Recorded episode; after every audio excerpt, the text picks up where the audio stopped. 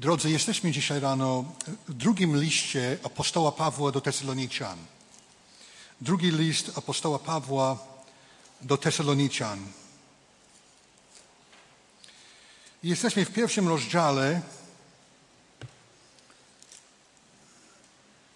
i Bożą pomocą rozważamy cztery wersety dzisiaj. Od pierwszego do czwartego wiersza. Paweł i Sylwan, Tymoteusz do zboru Tesaloniczan w Bogu, Ojcu naszym i w Panu Jezusie Chrystusie. Łaska wam i pokój od Boga, Ojca naszego i Pana Jezusa Chrystusa. Powinniśmy zawsze dziękować Bogu za was, bracia. Jest to rzecz słuszna. Wiara wasza bowiem bardzo wzrasta, a wzajemna miłość wasza pomnaża się we was wszystkich. Także i my sami chlubimy się wami w zborach Bożych, wa, waszą wytrwałością i wiarą we wszystkich prześladowaniach waszych i uciskach, jakie znosicie. Módlmy się.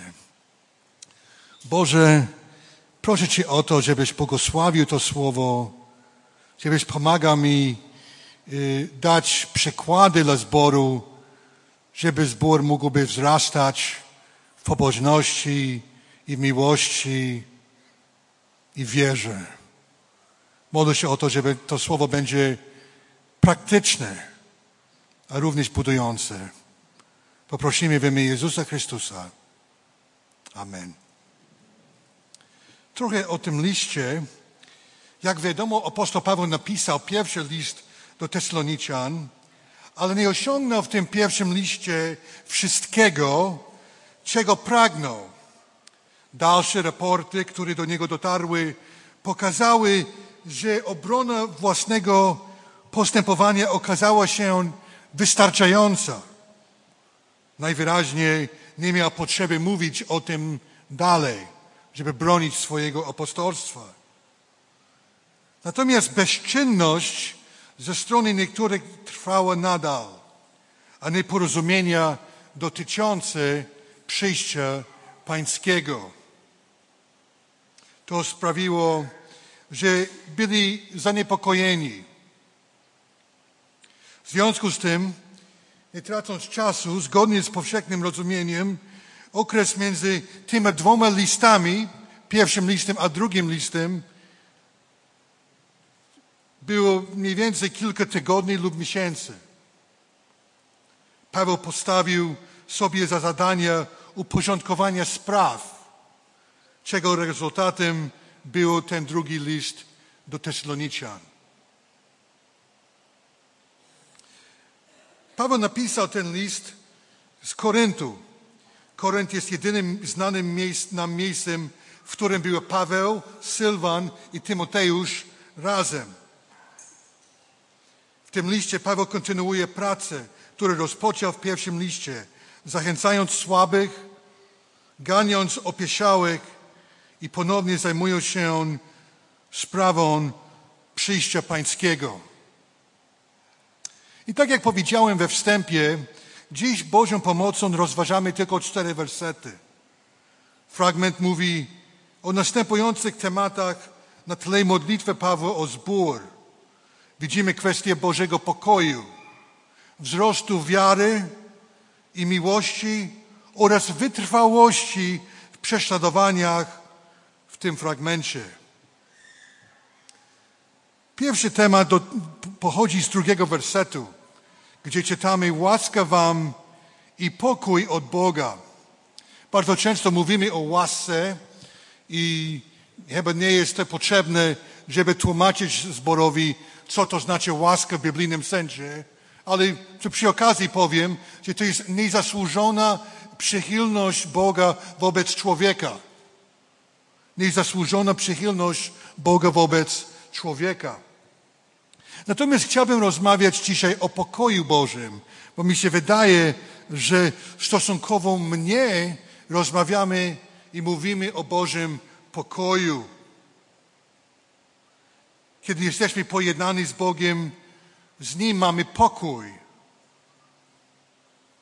Ten sam sposób Bóg, Paweł rozpoczął ten list i zakończył ten list. Zwróćcie uwagę, jeśli masz przykład przy sobie Pisma Świętego, na trzeci rozdział, szesnasty werset. Drugi list do Tesaloniczan, trzeci rozdział, szesnasty werset. A sam Bóg pokoju niech wam da pokój zawsze i wszędzie. Pan niechaj będzie z wami wszystkimi. Sam Bóg pokoju niech wam da pokój.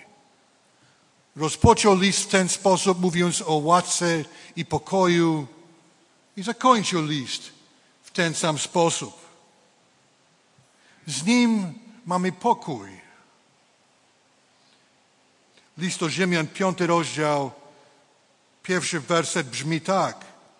Usprawiedliwienie tedy z wiary, pokój mamy z Bogiem przez Pana naszego Jezusa Chrystusa. Dlaczego to jest ważne? Mówić o pokoju z Bogiem. Jest to ważne, ponieważ człowiek w naturalnym stanie jest wrogiem Boga.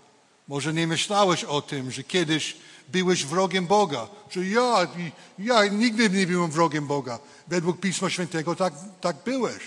Jeśli nawróciłeś się, nie, nie jesteś teraz wrogiem Boga.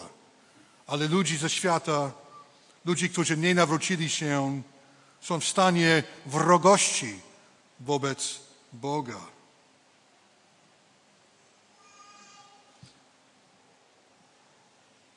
Człowiek bez Chrystusa jest synem diabła. List do Jana, ósmy rozdział, 44 werset. Ponieważ pierwszy człowiek był posłuszny szatanowi i grzech wszedł na świat.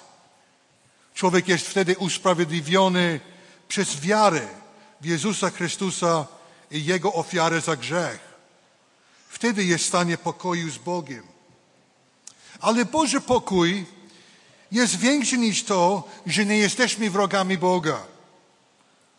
Bóg daje nam swój pokój. Jezus powiedział w Ewangelii Jana, pokój zostawiam wam, mój pokój daję wam. Nie jak świat daje, ja wam daję.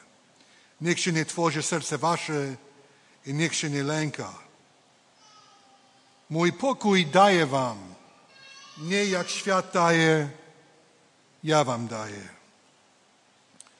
Pokój, który świat szuka, jest tylko pokojem między ludźmi, krajami i nawet narodami. Jest to stan, kiedy nie ma konfliktu. Nie jest to zły pokój, że nie jest to rzecz zła, żeby był pokój na ziemi, tylko świat tylko ma to do oferowania. Taki rodzaj pokoju. Na przykład często modlimy się o pokój na Ukrainie. I to jest, to jest w porządku. Tylko to jest świecki pokój. Pokój, gdzie nie ma konfliktu między stronami. Często ludzkie układy pokojowe są słabe, ponieważ są, opierają się na fundamencie grzesznego człowieka, skłonnego do kompromisu, kłamstwa i kombinatorstwa. Świecki pokój. Modlimy się o niektóre rodziny, żeby był pokój w ich domu. Jest to staranie o to, że, żeby nie było konfliktów między małżonkami. I to jest pokój, który świat może dać. Ale Jezus powiedział, że ja nie daję tak jak świat. Mój pokój daję wam. Więc Jego pokój jest czymś więcej. Może powiedzieć tak, że Boży pokój jest pewnym wewnętrznym stanem pokoju, pomimo trudnych okoliczności. Pokój w moim sercu, spokojne życie Pokój Boży jest pewnym wewnętrznym stanem pokoju pomimo trudnych okoliczności. w obliczu złych wiadomości, różnych trudności i ludzkiego bólu. Możemy spać spokojnie, ponieważ Bóg jest naszym Ojcem i działa pośród nas. Kiedy, kiedy Chrystus objawił się apostołom po swoim zmartwychwstaniu, powiedział to słowo pokój wam. Nie chodzi mu wcale o jakiś ludzki układ pokojowy, lecz pokój w sercu, wewnątrz człowieka. I kiedy powierzymy nasze sprawy Bogu w modlitwie, On pozwala nam doświadczyć takiego głębokiego pokoju. Zapraszam do listu do Filipian, czwarty rozdział od szóstego wiersza.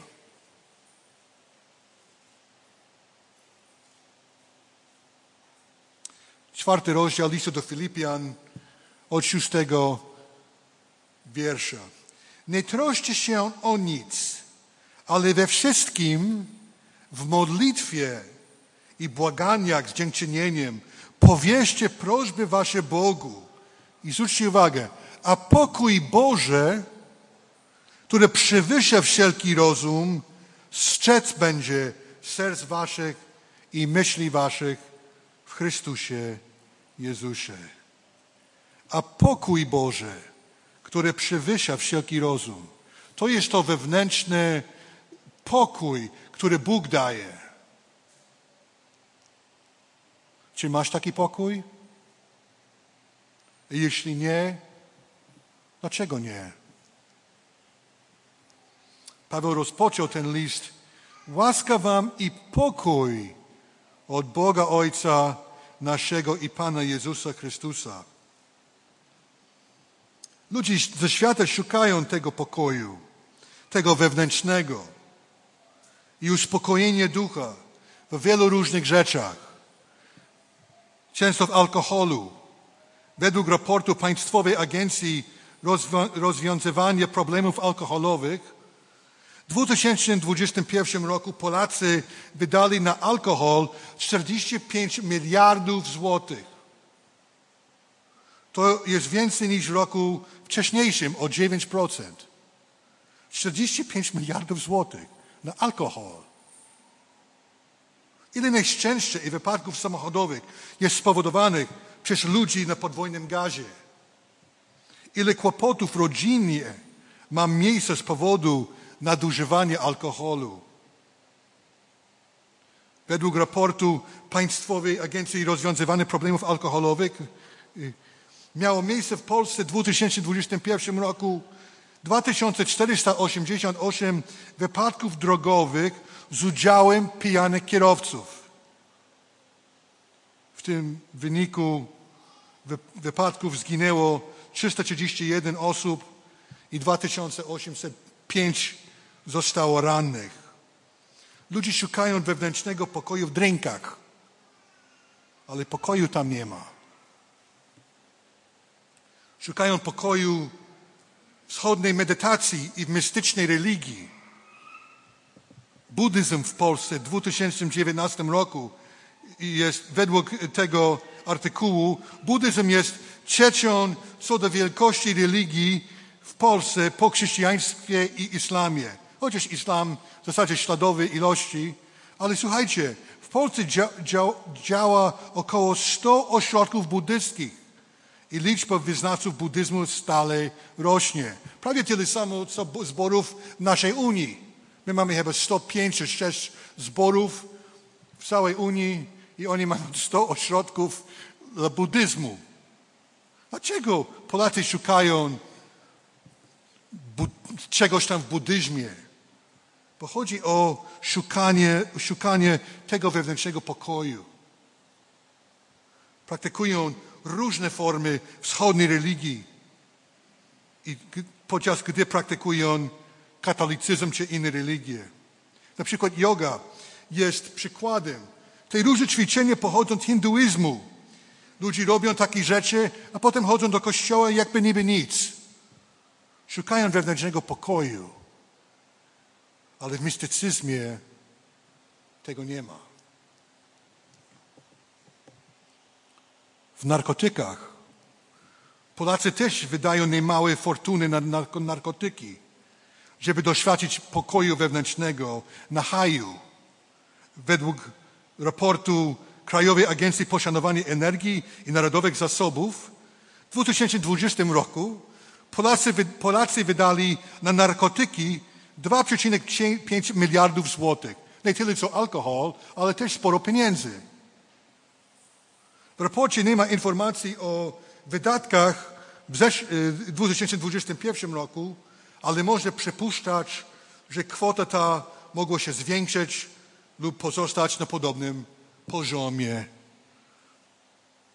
Alkohol, mistycyzm, narkotyki szukają pokoju w seksie i pornografii. Z oficjalnych danych 30%, 30% polskiego społeczeństwa ogląda pornografię regularnie. Sądzę, że prawdziwa ilość jest wyższa. Ludzie często kłamią w sondażach dotyczących takich rzeczy. Nie mówią prawdy, bo wstyd. Co, co ludzie szukają w tym?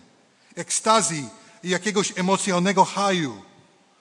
Ale nie znajdą pokoju w takich rzeczach, tylko głębsze uzależnienie od pornografii. Zboczenia jest również sposobem szukania ekstazji. Tak jak mieliśmy dwa tygodnie temu w Warszawie przedstawienia zboczenia. W pieniądzach. Często ludzie myślą, jeśli mają tylko trochę więcej, wtedy będą spokojni. Mogą odpoczywać, ponieważ finansowo są bezpieczni. Jednak mając więcej, martwi się, czy te środki odpowiednio pracują.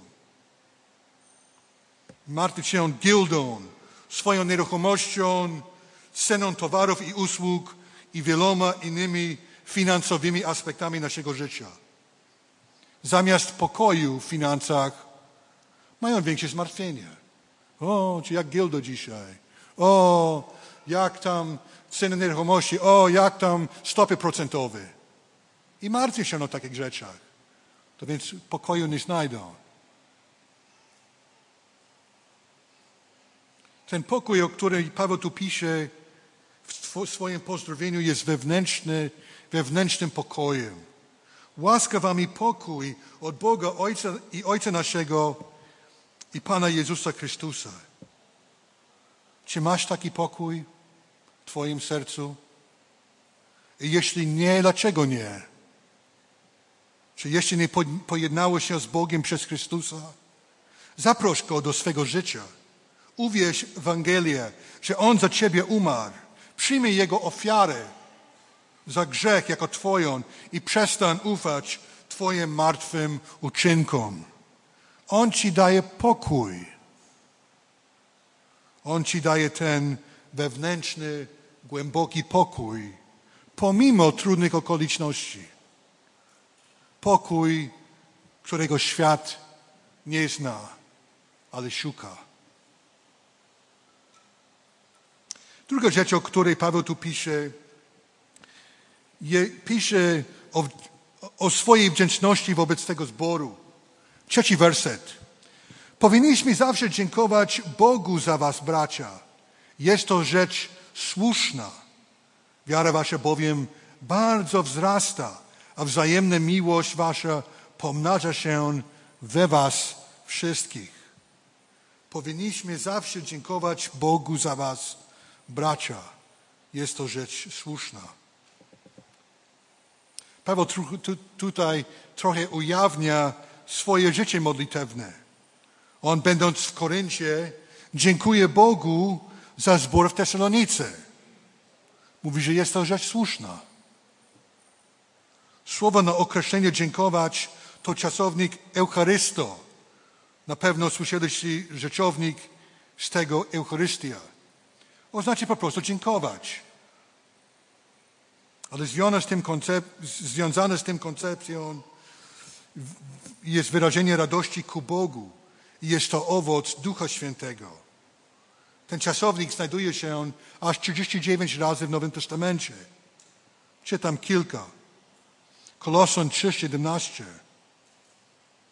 Koloson 3,17. I wszystko, cokolwiek czynicie w słowie lub w uczynku, czyńcie w imieniu Pana Jezusa, dziękując przez Niego Bogu Ojcu. Efezjan 5:20. Dziękując zawsze za Was Bogu i Ojcu w imieniu Pana naszego Jezusa Chrystusa. Paweł w swojej modlitwie, tutaj w liście do Tesaloniczan, dziękuję Bogu za zbór. Czy czynimy tak samo? Czy dziękujemy Bogu za zbór w Krakowie, Gdańsku, Szczecinie i tu w Warszawie? Czy nasza modlitwa o zbory jest elementem wdzięczności Bogu? Że właśnie w tym miejscu są wierni chrześcijanie, którzy żyją dla chwały Bożej. Często zwracamy uwagę na problemy w zborach. I prawda jest, że każdy zbór ma problemy w ten czy w inny sposób. Zbór Tesalonicy też miał problemy. I Paweł później o tym napisał w tym liście. Nawet zbór w Koryncie, który miał bardzo dużo problemów życiowych i teologicznych, Paweł dziękował Bogu też za ten zbór. Zwróćcie uwagę na 1 Koryntian 1,4. Sam początek tego listu. 1 Koryntian, pierwszy rozdział, czwarty werset. Dziękuję Bogu zawsze za Was, za łaskę Bożą, który Wam jest dana w Chrystusie Jezusie. Zastanówcie się na tym. Ten zbór w Koryncie miał bardzo dużo problemów. Przecież po tej mowie Paweł zaczyna a propos rozłamu w tym zborze. Potem niemoralność, y, problemy z, z różnymi sprawami. A jednak Paweł dziękował Bogu za ten zbór. Czy my robimy to samo? On jest świadomy, jakie błogosławieństwo otrzymali w Tesalonice, w Koryncie, dzięki Bożej łasce w Chrystusie. I wtedy pytanie jest dla każdego, znaczy my też jesteśmy wdzięczni za naszych braci i siostry w różnych miejscach. Paweł będąc w Koryncie, w innej części Grecji, modlił się o zbór i dziękował Bogu za ten zbór. Tesalonice.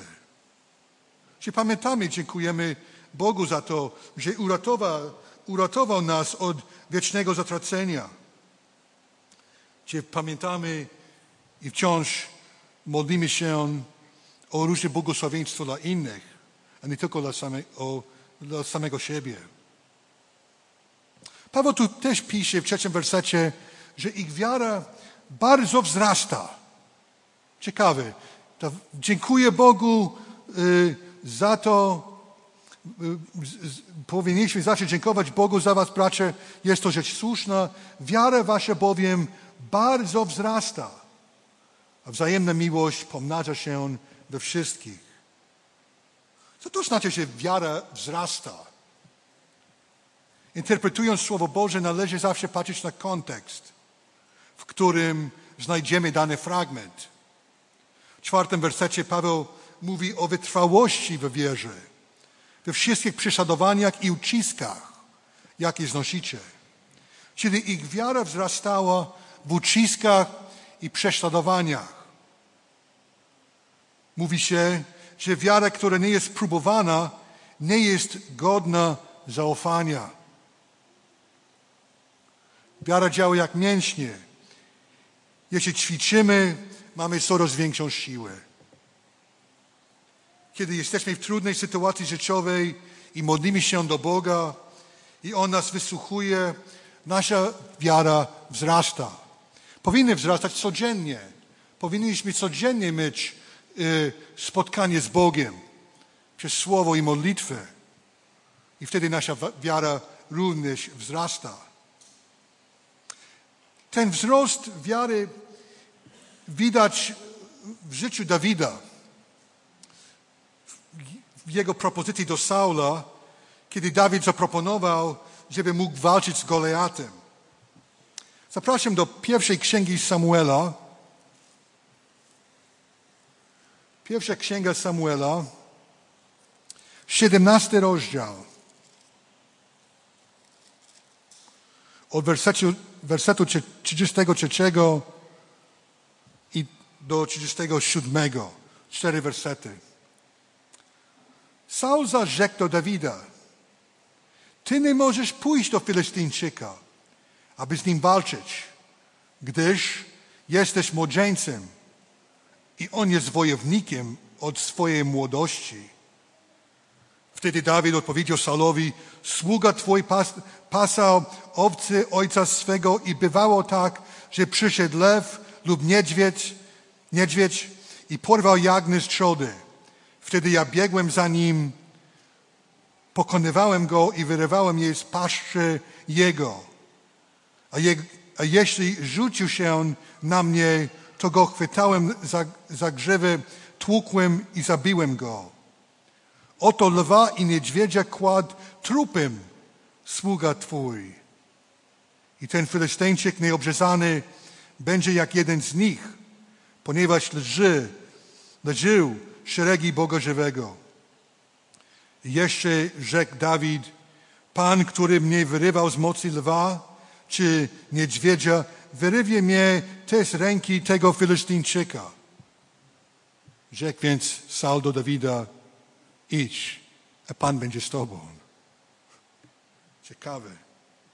Dawid wzrastał w wierze, ponieważ miał pro, problem, problemy z lwem i z niedźwiedziem. Walczyć z takimi zwierzętami jest naprawdę trudno. I Bóg sprawił, że Dawid miał takie doświadczenie wiary jako młody pasterz. I wtedy był gotowy ufać Bogu znowu w obliczu walki z Goliatem.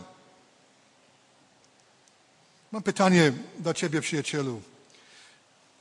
Jaki jest Twój niedźwiedź? Jaki jest Twój lew? Jaki jest Twój Goliat? Czy jesteś gotowy z nim walczyć i zwyciężyć? Jeśli nie, nie jesteś gotowy walczyć z zwierzętami, nie będziesz w stanie walczyć z nadchodzącym Goliatem.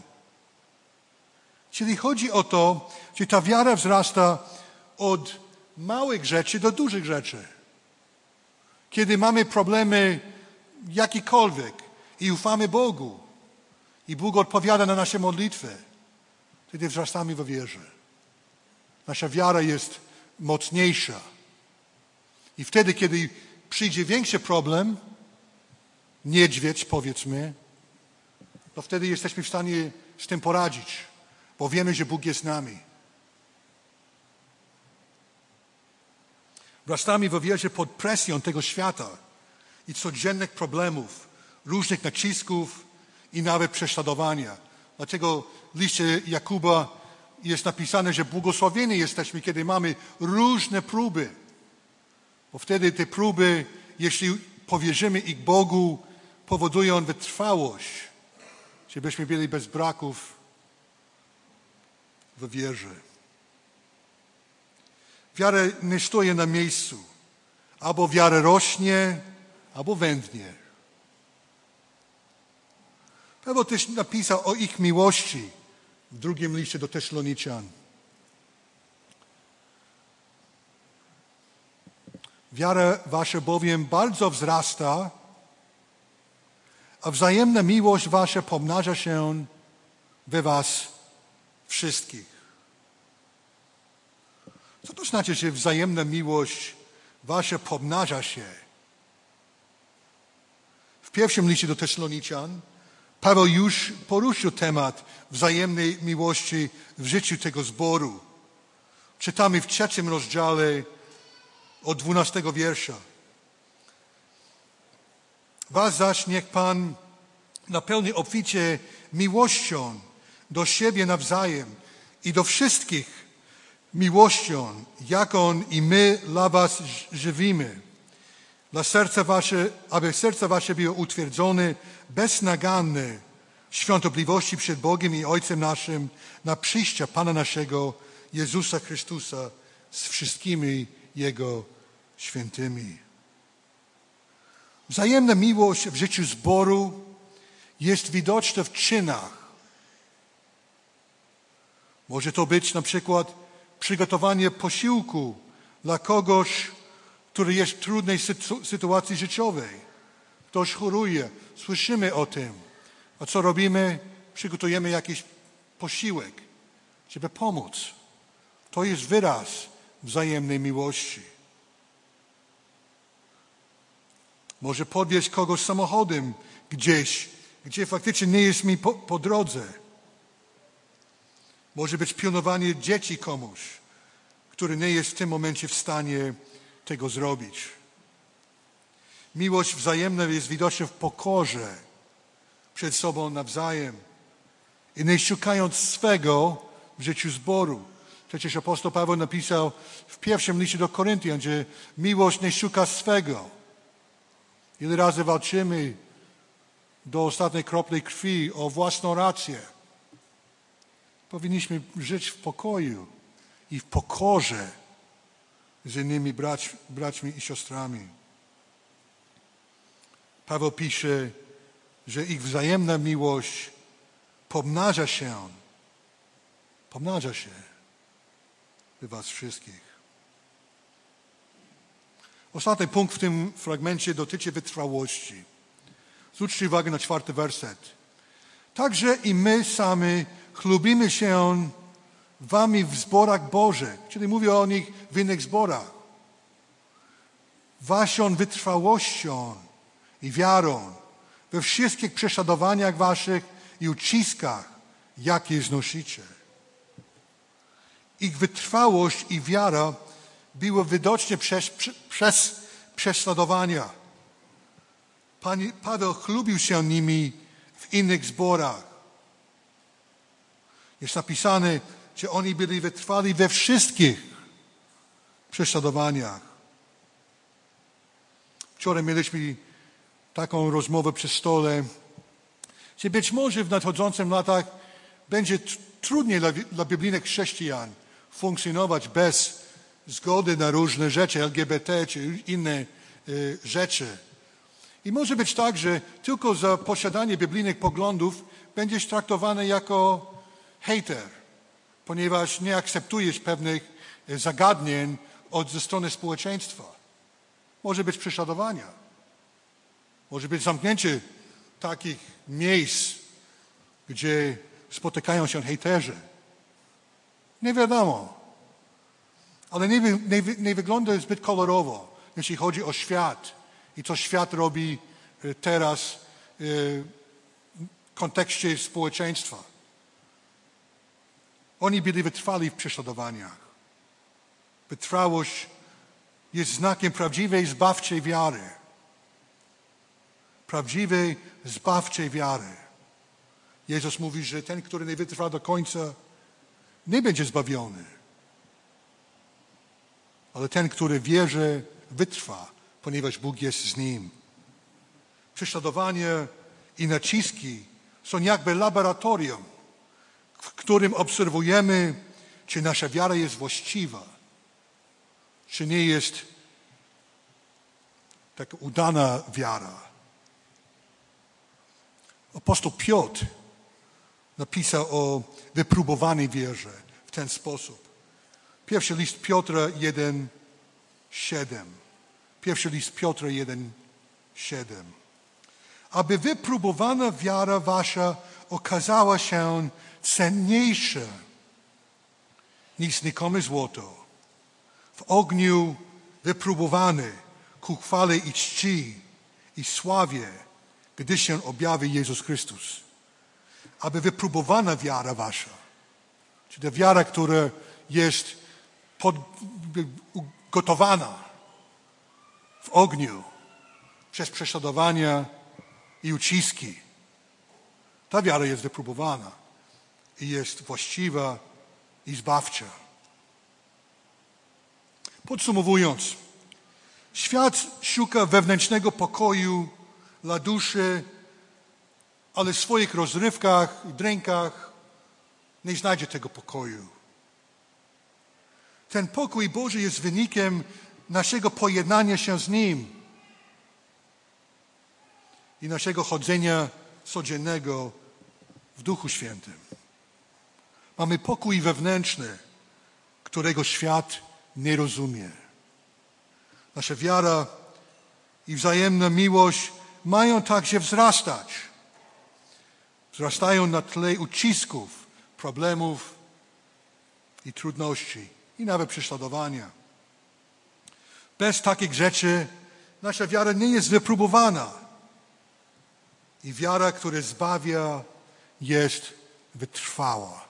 Widać to, że wytrwa, wytrwamy do końca. W książce duchowa tajemnica Hudsona Taylora, Hudson Taylor był założycielem misji w Chinach w XIX wieku. I może w niej przeczytać, że jak, jak wiara Hudsona Taylora w Boga rosła od pierwszego dnia, w którym postanowił żyć wyłącznie wiarą w Boga. Nauczył się ufać Bogu w kwestii swojej pensji, zwłaszcza gdy jego zapracowany pracodawca zapomniał mu wypłacić. Nauczył się ufać Bogu w codziennych, w codziennych potrzebach, a gdy jego wiara została podana próbie, wzrastał w wierze i był w stanie zaufać Bogu kwestii zaopatrzenia całej organizacji misyjnej w Chinach. Czasami wydawało się, że Bóg o nim zapomniał. Wydawało się. Ale Taylor nadal modlił się i ufał, a Bóg odpowiadał. Wiara wzrasta w trudnościach. Podkreślam, wiara wzrasta w trudnościach. Kiedy nie jest po maśle, kiedy jest trudne, kiedy mam problem, kiedy jestem prześladowany i ufam Bogu, wtedy moja wiara wzrasta. Dziękujemy Bogu za próbę naszej wiary. Amen.